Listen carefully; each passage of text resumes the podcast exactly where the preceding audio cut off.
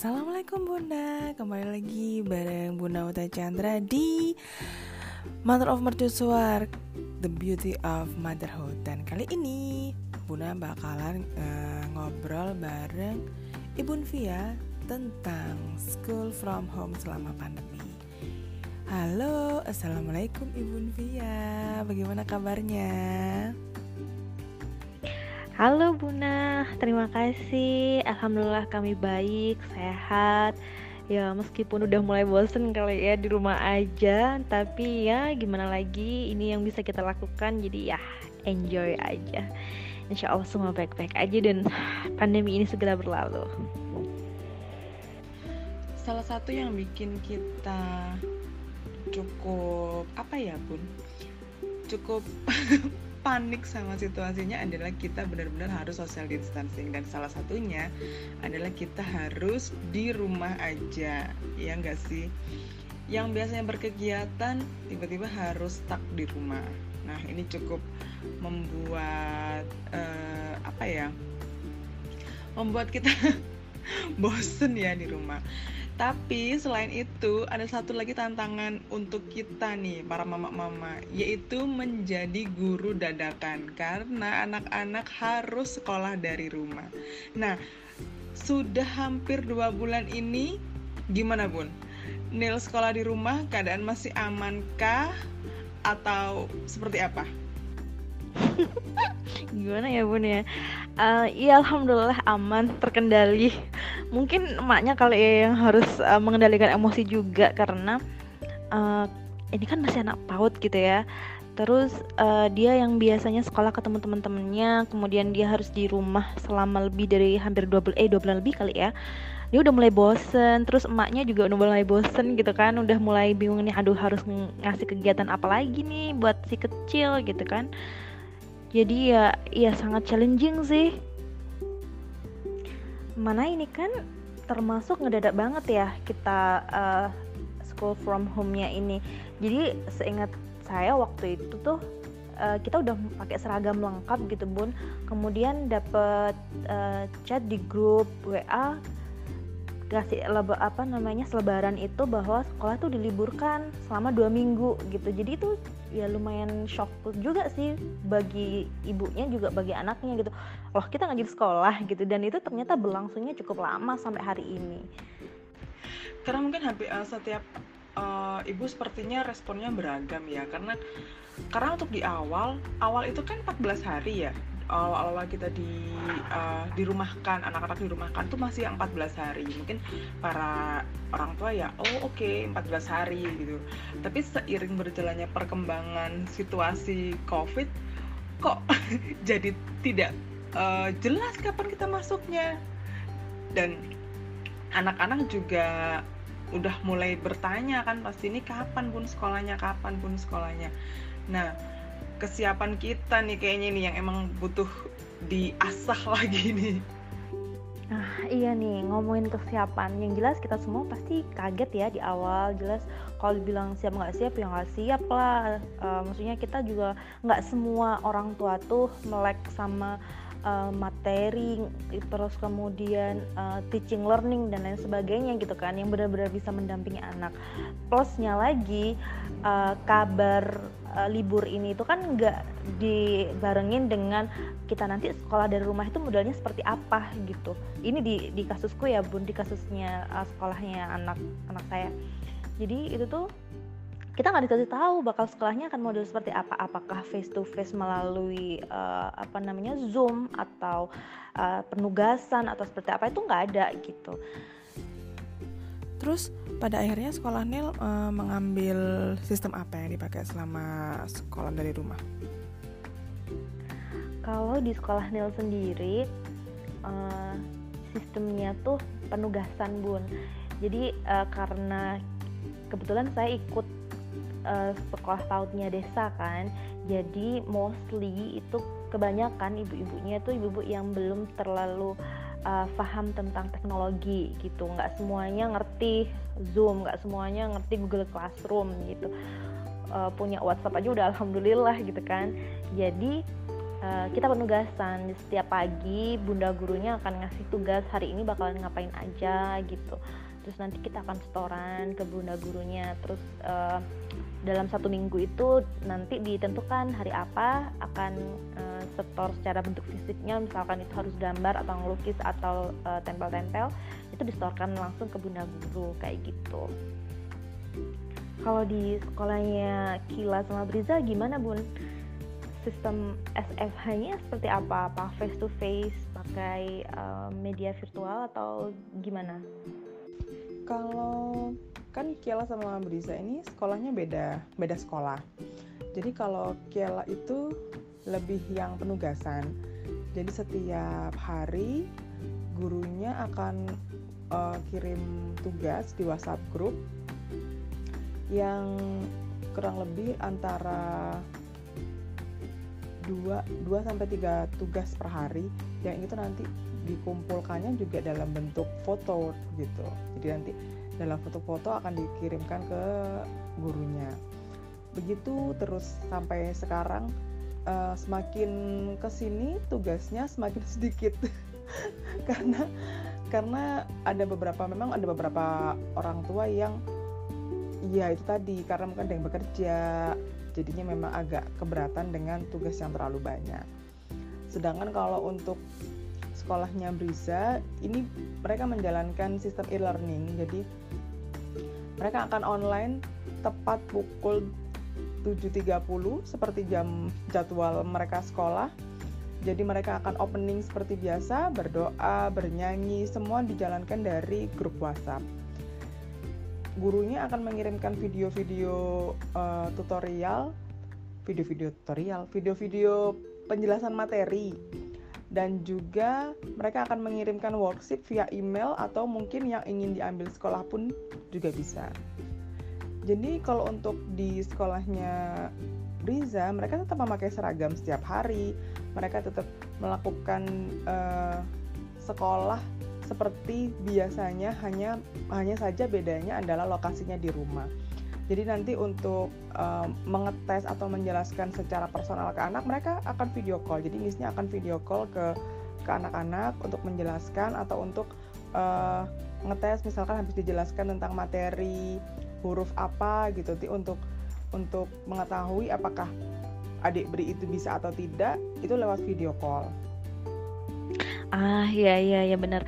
Berarti emang tiap sekolah itu mereka punya ciri khas masing-masing gitu ya, menyesuaikan mungkin dengan uh, kemampuan sekolahnya, kemampuan uh, teachernya dan juga kemampuan uh, siswa dan orang tuanya juga. Sepertinya seperti itu ya, Bun ya. Iya, Bun. Akhirnya memang mengikuti mengikuti dengan kondisi kali ya. Jadi memang kalau untuk untuk sekolahnya Kiela dia sampai saat ini masih uh, menyesuaikan dengan kondisi kondisi wali muridnya.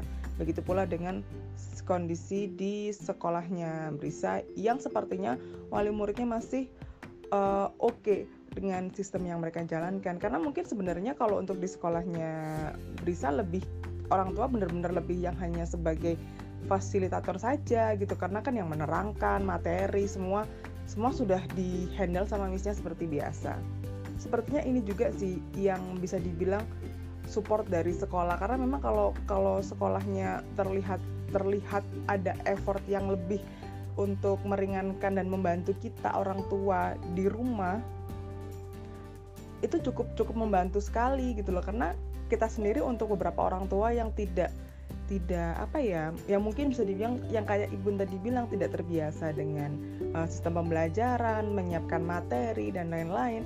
Pasti kalau hanya diberi penugasan saja yang benar-benar ini tugasnya ini tanpa ada penjelasan yang lebih lanjut juga pasti akan kesulitan. Nah iya benar-benar banget. Support sekolah itu hmm, sangat sangat bermanfaat banget dan sangat berpengaruh gitu ya di hasil belajar anak-anak juga. Karena ya tidak bisa dipungkiri setiap anak dengan pendampingan orang tua yang uh, taruhlah alokasi waktunya pun berbeda-beda. Ada yang bekerja ada yang yang enggak. Ada yang meskipun nggak bekerja tapi nggak nggak paham dengan materi anak-anak. Sehingga kadang nyiapinnya juga serabutan dan lain sebagainya ya jadinya hasil belajar anaknya pun uh, bisa jadi berbeda dengan yang diharapkan oleh sekolah atau yang uh, di yang seharusnya sesuai dengan silabus dan kurikulum yang berjalan gitu kan bun. Uh, dan lagi sebenarnya term school from home ini tuh kan harusnya memang sekolah dari rumah gitu kan ya bun. Bukan uh, penugasan di dari rumah atau ngerjain tugas di rumah gitu. Jadi harapannya sih sebenarnya ya sebenarnya yang yang ada di di di benak saya tuh school from home itu ya sekolah dari rumah bener-bener yang kayak sekolah cuman secara fisik anak dan gurunya atau siswa dan gurunya itu berada di dalam rumah gitu. Iya bener pun. Memang sekolah dari rumah seharusnya ya hanya lokasinya saja yang berpindah. Jadi makanya waktu uh, saya dapat bahwa konsep sekolah sekolah dari rumah versi nya adik Bri seperti ini. Ya saya sangat happy dong walaupun memang ada ada opini dari beberapa bunda di luar juga yang bilang kondisi di rumah kan berbeda bun sama kondisi di sekolah tidak sekondusif di sekolah. Ya memang sih. Tapi kan semua ada ada caranya gitu loh. Nyatanya dengan dengan e-learning yang dilakukan uh, sekolahnya Briza yang menyeragamkan semua jamnya dilakukan seperti jam sekolah. Jadi memang sekitar pukul 10 10 sampai 10.30 itu sudah mereka sudah closing. Sudah selesai pembelajaran seperti uh, di sekolah. Jam segitu mereka waktunya pulang. Jadi anak terbiasa memang jamnya sekolah ya sekolah walaupun mereka posisinya ada di rumah. Ah iya benar, yang seperti itu kan yang kita harapkan dari SFH itu sendiri. Jadi anak itu nggak merasa aku libur terus gitu. Sehingga mereka juga nggak bosen gitu kan. Kalau uh, sistem penugasan benar kata Buna itu anak-anak kadang ngerjainnya tuh di luar jam sekolah. Even uh, orang tua sendiri ya. Kayak misalkan uh, saya sendiri nih bun. Kadang kalau dikasih tugas tuh sering-seringnya ya di luar jam sekolah ngerjainnya. Nunggu nunggu kadang nunggu ada ide muncul lah nunggu uh, anaknya kondusif lah. Padahal itu sebenarnya kan cuma excuse ya. Uh, jadi ya memang memang sangat challenging sih kalau penugasan itu tergantung kesiapan orang tua juga. Sebenarnya yang lebih challenging lagi kalau anaknya lebih dari satu seperti diriku. Dua itu dua dengan sekolah yang berbeda itu udah yang wow. Apalagi uh, aku juga punya temen yang malah anaknya tiga atau bahkan empat. Dan itu beda sekolah semua dengan beda tingkatan. Bisa dibayangin gimana caranya mereka uh, untuk mendampingi ke semua anaknya dalam waktu yang bersamaan. Itu wah parah sih. Iya iya bener-bener. Iya ya nggak kebayang.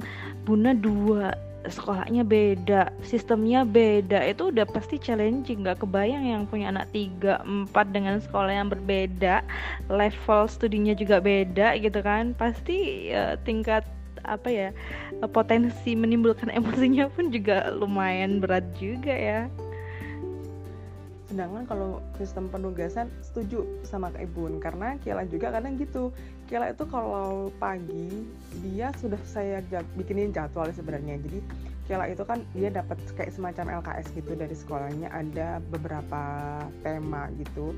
Dan selain di tugas yang harian. Jadi untuk pagi sudah saya bikinkan jadwal dari Senin sampai Jumat dia harus mengerjakan tema apa sembari menunggu adiknya e-learning.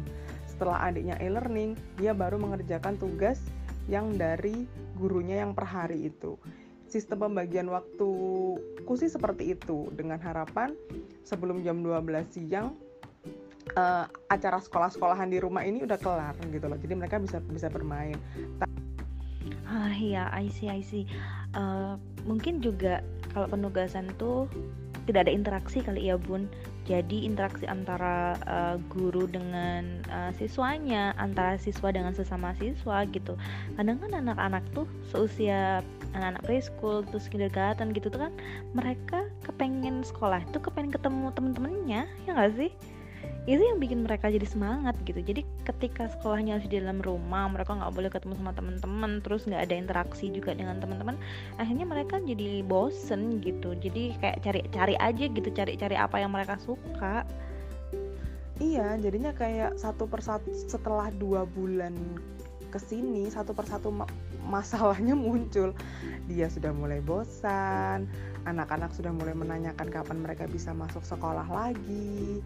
Terus kadang kalau uh, kita kita sebagai uh, ibu kan juga moodnya juga ups and down ya. Jadi kalau udah tugas nggak dikerja kerjain terus abis itu apa namanya malah mengerjakan yang lain ini belum kelar tuh belum kelar urusan domestik apa lagi. Jadi kayak potensi potensi meledak itu kayaknya udah udah diubun-ubun gitu rasanya tapi ya kembali lagi kadang kita sendiri juga berusaha untuk mengerti bahwa uh, ini sebenarnya kondisi yang sulit juga buat mereka gitu loh kadang ketika mereka sudah bolak-balik menanyakan kapan pun sekolah, kapan kapan aku bisa les lagi, kapan aku bisa ketemu teman-teman, itu kan kayaknya udah tanda-tanda mereka udah mulai stres di rumah aja.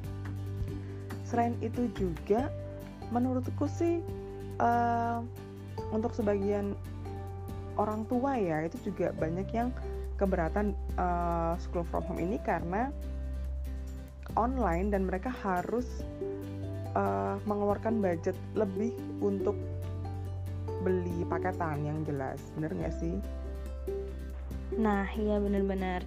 Jadi semacam ada uh, tambahan budget gitu ya.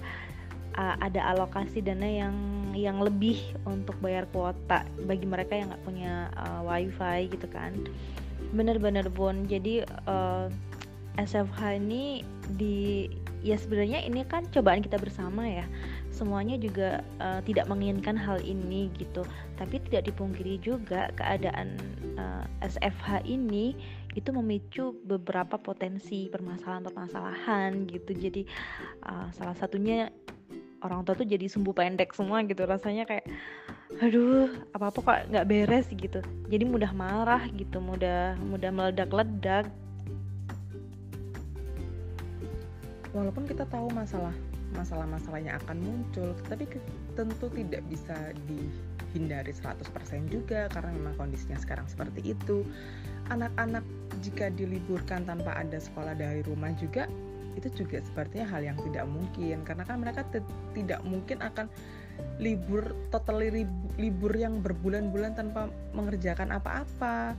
Sedangkan uh, proses belajar mengajar harus tetap berjalan. Sedangkan ini bukan bukan yang bisa diprediksi kapan akan berakhirnya.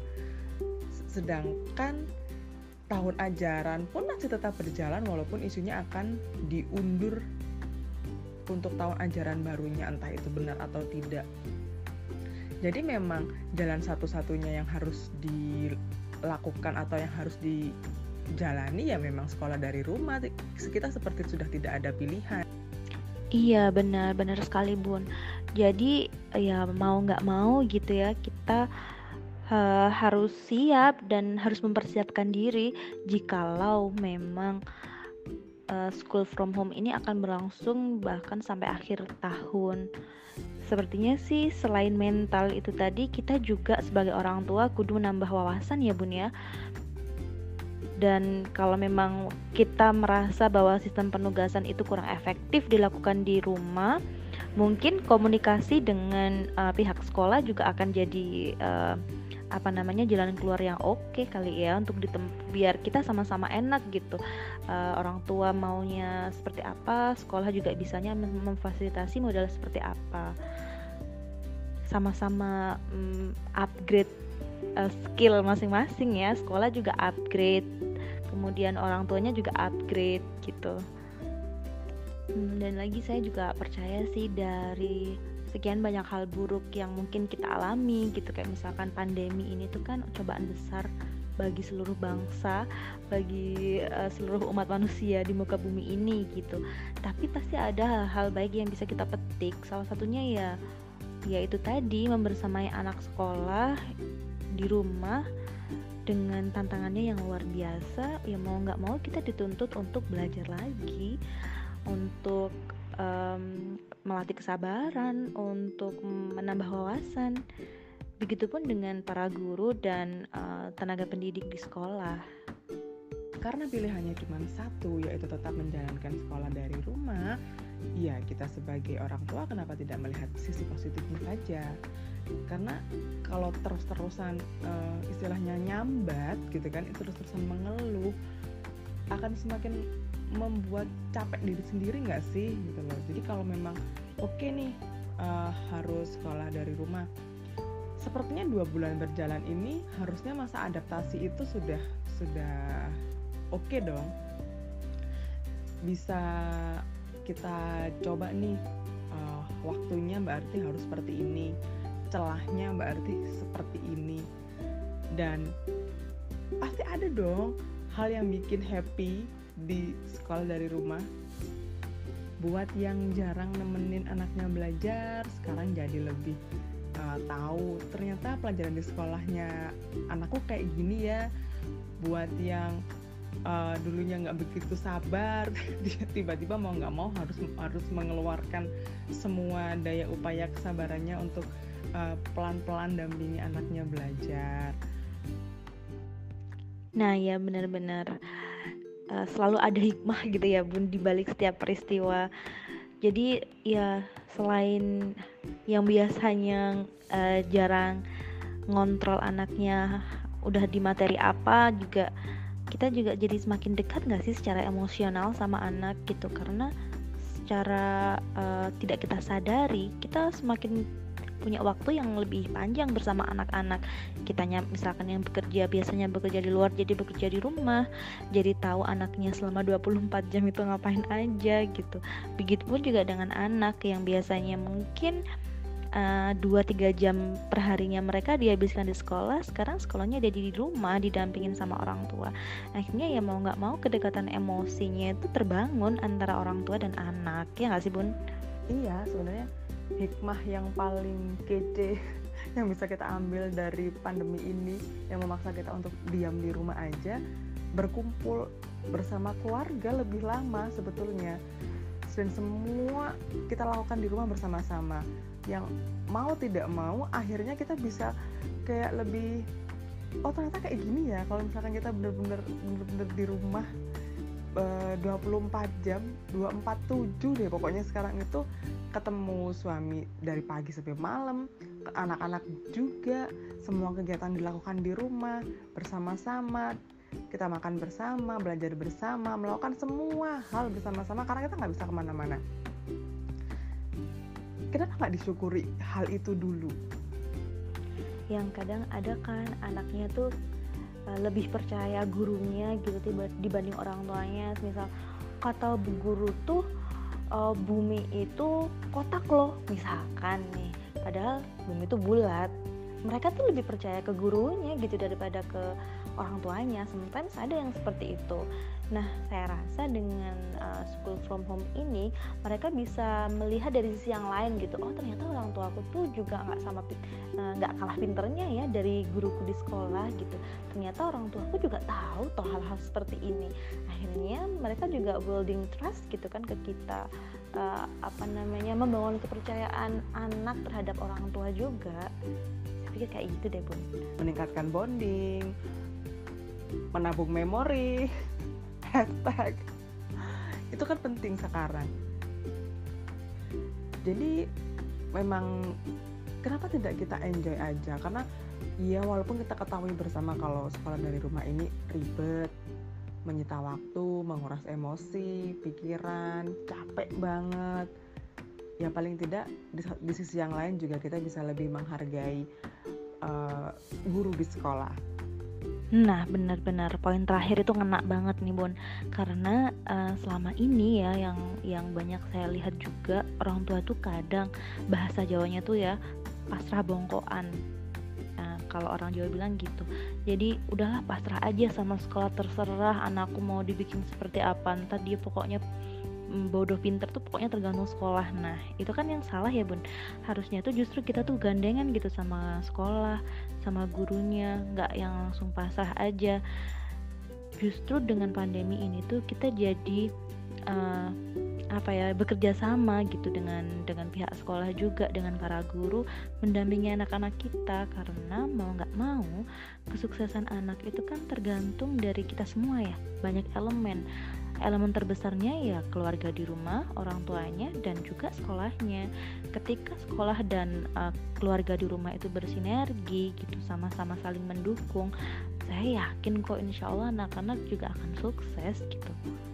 Iya, karena sebenarnya kan walaupun tidak di dalam masa pandemi ya durasi anak di sekolah dengan durasi anak di rumah itu kan banyakkan di rumah jadi sebetulnya uh, porsi yang lebih besar pendidikan tetap dipegang dipegang orang tua gitu loh karena sekolah itu kan lebih kayak partner kita gitu loh jadi tidak bukan bukan yang harusnya semua itu di, diberikan ke sekolah karena katanya sebagai partner ya seharusnya kita saling saling melengkapi dengan yang pasti porsi terbesar tetap di orang tua. Kita sebagai orang tua mencari sekolah yang terbaik sebenarnya untuk apa? Apakah untuk mencari partner didik yang seimbang atau melimpahkan semua tugas kita sebagai orang tua yang harusnya mendidik anak-anak ke sekolah bukan dalam artian uh, hanya materi ajar yang ada di kurikulum ya tapi terkait juga masalah adab dan yang lain-lain yang seharusnya memang di rumah pun tetap diajarkan. Dan sekarang dalam masa pandemi di rumah aja dan kebetulan juga dalam uh, bulan suci Ramadan, ya seharusnya memang lebih lebih bagus lagi kalau sekolah dari rumah plus biasanya di sekolah ada pondok Ramadan kita bikin aja di rumah pondok Ramadan sekalian. Sebetulnya banyak cara kok untuk anak-anak uh, bisa tetap berkegiatan yang seru di rumah gitu loh. Asalkan apa ya asal orang tuanya mau gitu aja. Kuncinya cuma di kita kok sebenarnya. Kita mau kita mau gerak ya anak pasti pasti happy. Karena pada dasarnya anak itu happy loh kalau lagi main sama orang tuanya. Iya nggak? Nah iya benar-benar banget pun. Jadi uh, ini saya melihat dari kondisi anak saya sendiri ya. Anil itu dia lebih excited ketika diajak main oleh uh, orang tuanya atau oleh keluarganya dibandingkan dia disuruh main sendiri atau disuruh main uh, sebebas-bebasnya even ketika dia dikasih gadget sekalipun ketika dia lagi enjoy nonton gitu misalkan kemudian uh, tiba-tiba saya bilang ya kita main yuk kita bikin api yuk gitu atau uh, kita nyiram bunga yuk misalnya kayak gitu atau kita aja untuk practical life misalkan ini boleh bantu mama sapu ini dia tuh bakal sangat senang sekali gitu dan saya yakin anak-anak lainnya pun juga sama. So ya sebenarnya kita nggak perlu terbebani juga sih dengan SFH ini karena justru itu uh, chance kita gitu. Itu kesempatan kita buat uh, punya banyak waktu dengan anak-anak. Dan lagi ini bulan Ramadan bener sekali. Kayaknya bikin pondok Ramadan seru juga kan bun? Banyak kegiatan yang bisa kita lakukan gitu selama pandemi ini selama kita harus uh, social distancing selama kita uh, menjalankan ibadah puasa juga itu semua tergantung dari orang tuanya benar sekali. Jadi ya harapannya sih semoga semua orang tua juga punya semangat yang sama untuk membersama anak-anak. Ngeluh boleh lah dikit-dikit pasti manusiawi. Marah boleh lah dikit-dikit asal nggak kebablasan. Uh, istilah katanya kalau di Instagram itu we are in this together gitu ya bun jadi kita tuh di sini bersama-sama gitu. Kita sama-sama ngerasain kok efek pandemi ini. Kita semua ngerasain uh, gimana bosennya di rumah gimana suntuknya harus membersamai anak-anak gimana ribetnya gimana riwahnya ngatur waktu. Tapi kita sama-sama gitu. Jadi ya don't worry. Ingat nggak ibu adalah madrasah pertama anaknya. Jadi kalau sekarang anaknya kembali ke madrasah pertama, ya masa sih mau ditolak? Gitu aja. Nah, di madrasah pertama ini, kenapa tidak lebih baik daripada madrasah-madrasah di luar? Seharusnya madrasah pertama adalah madrasah yang paling nyaman dong buat anak-anak.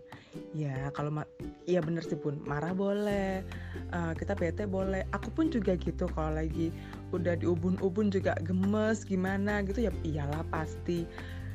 Cuman balik lagi uh, tujuan kita sekarang ngapain sih gitu kalau memang tujuannya bisa menjadikan anak-anak lebih baik dari kita dari diri kita ya ayo dong tetap semangat seharusnya gitu loh.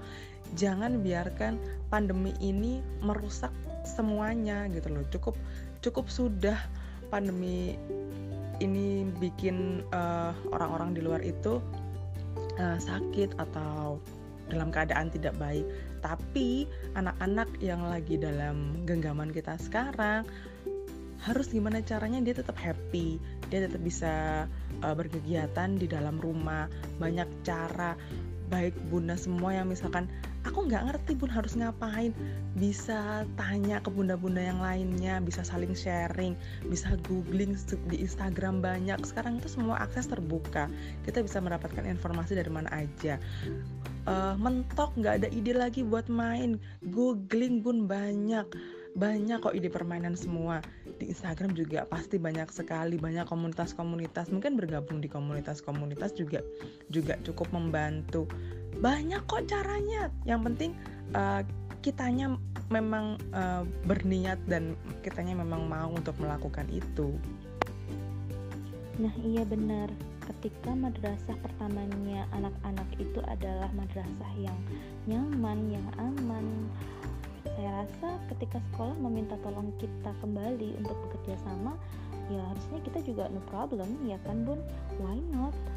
Toh kitalah yang seharusnya menjadi rujukan pertama anak-anak. Kita yang menjadi uh, apa sekolah sekolah ter terasyik bagi mereka gitu ya bun. Kalau toh memang ternyata uh, kitanya kehabisan ide buntu mau ngapain lagi sama anak-anak nih? Ya kita bisa kok nanya di grup mercusuar kids ya nggak sih bun? Kita bisa aja kan ngadain playdate uh, virtual mungkin. Kita bisa uh, ketemu sesama ibu-ibu. Barangkali justru yang dibutuhkan oleh ibu-ibu itu untuk maintain their mental health itu um, kesehatan mental mereka itu bisa terjaga dengan sharing dengan yang lain gitu saya pikir mercusuar kids juga bisa kan menyediakan uh, wadah itu ya bun ya salah satu yang dibutuhkan kita orang tua terutama kaum ibu yang pasti mendampingi anak-anak saat belajar di rumah saat ini adalah support system. Nah, salah satu support support system terbesar adalah sesama ibu gitu karena kan sesama ibu tuh bisa sama-sama ngerasain apa yang dirasakan saat ini gitu rasanya. Nah, saling sharing sesama ibu juga bisa cukup membantu sih uh, bertukar ide permainan di rumah kemudian uh, saling curhat-curhatan tentang tingkah anak-anak di, di rumah seperti apa. Itu bisa nge-refresh pikiran juga.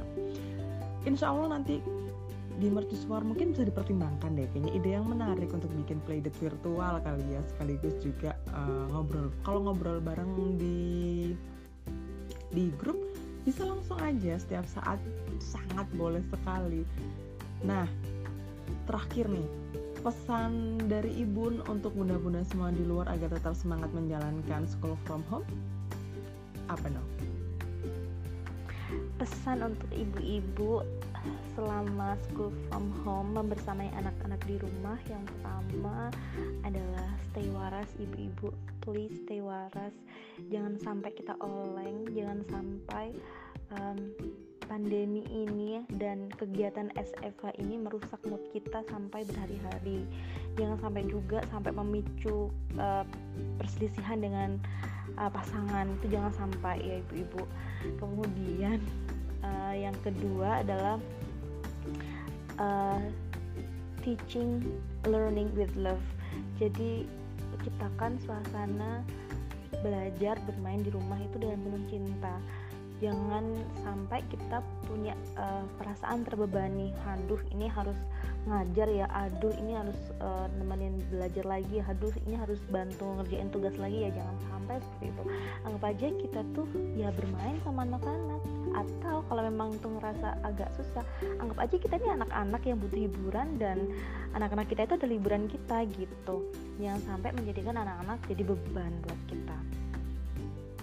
Plus uh, jika lau ibu-ibu merasa udah stuck banget udah aduh udah butek nih udah nggak ada udah nggak ada ide lagi jangan sampai malu atau jangan sampai uh, ya tadi jangan sampai malu untuk berbagi dengan yang lain berbagi kisah atau mungkin minta diceritain. Misalkan kita memang bukan tipe orang yang suka bercerita uh, masalah kita dengan orang-orang lain barangkali dengan mendengarkan cerita orang lain kita jadi terhibur atau kalau tah memang butuh untuk me time jangan sungkan-sungkan untuk meminta tolong pasangan ngehandle anak kita selama pasangan itu punya waktu luang.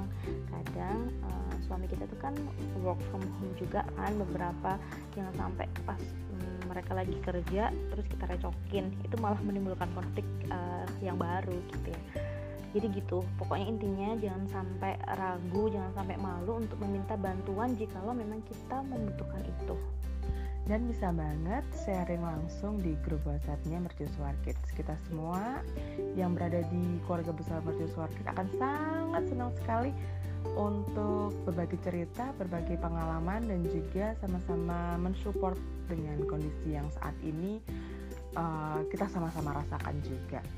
Apa pun kondisinya sekarang, semoga bunda semua yang mendengarkan ini, ibu-ibu, bunda semua akan selalu dalam keadaan yang sehat, Semoga kita semua bisa melewati masa pandemi ini dengan baik, tetap semangat menemani anak-anak school from home tanpa emosi yang berlebihan, tanpa uh, prahara yang berarti. Aduh, prahara bahasanya.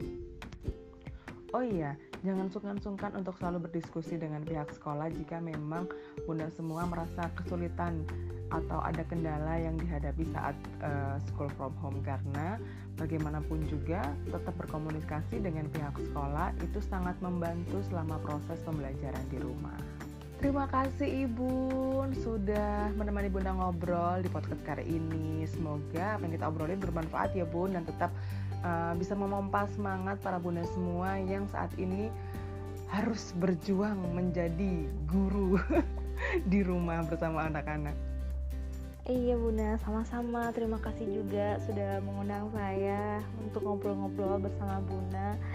Dan semoga apa yang kita obrolin kali ini bermanfaat, menginspirasi barangkali atau uh, bisa menghibur ibu-ibu yang lain bahwa ah ternyata aku nggak sendirian.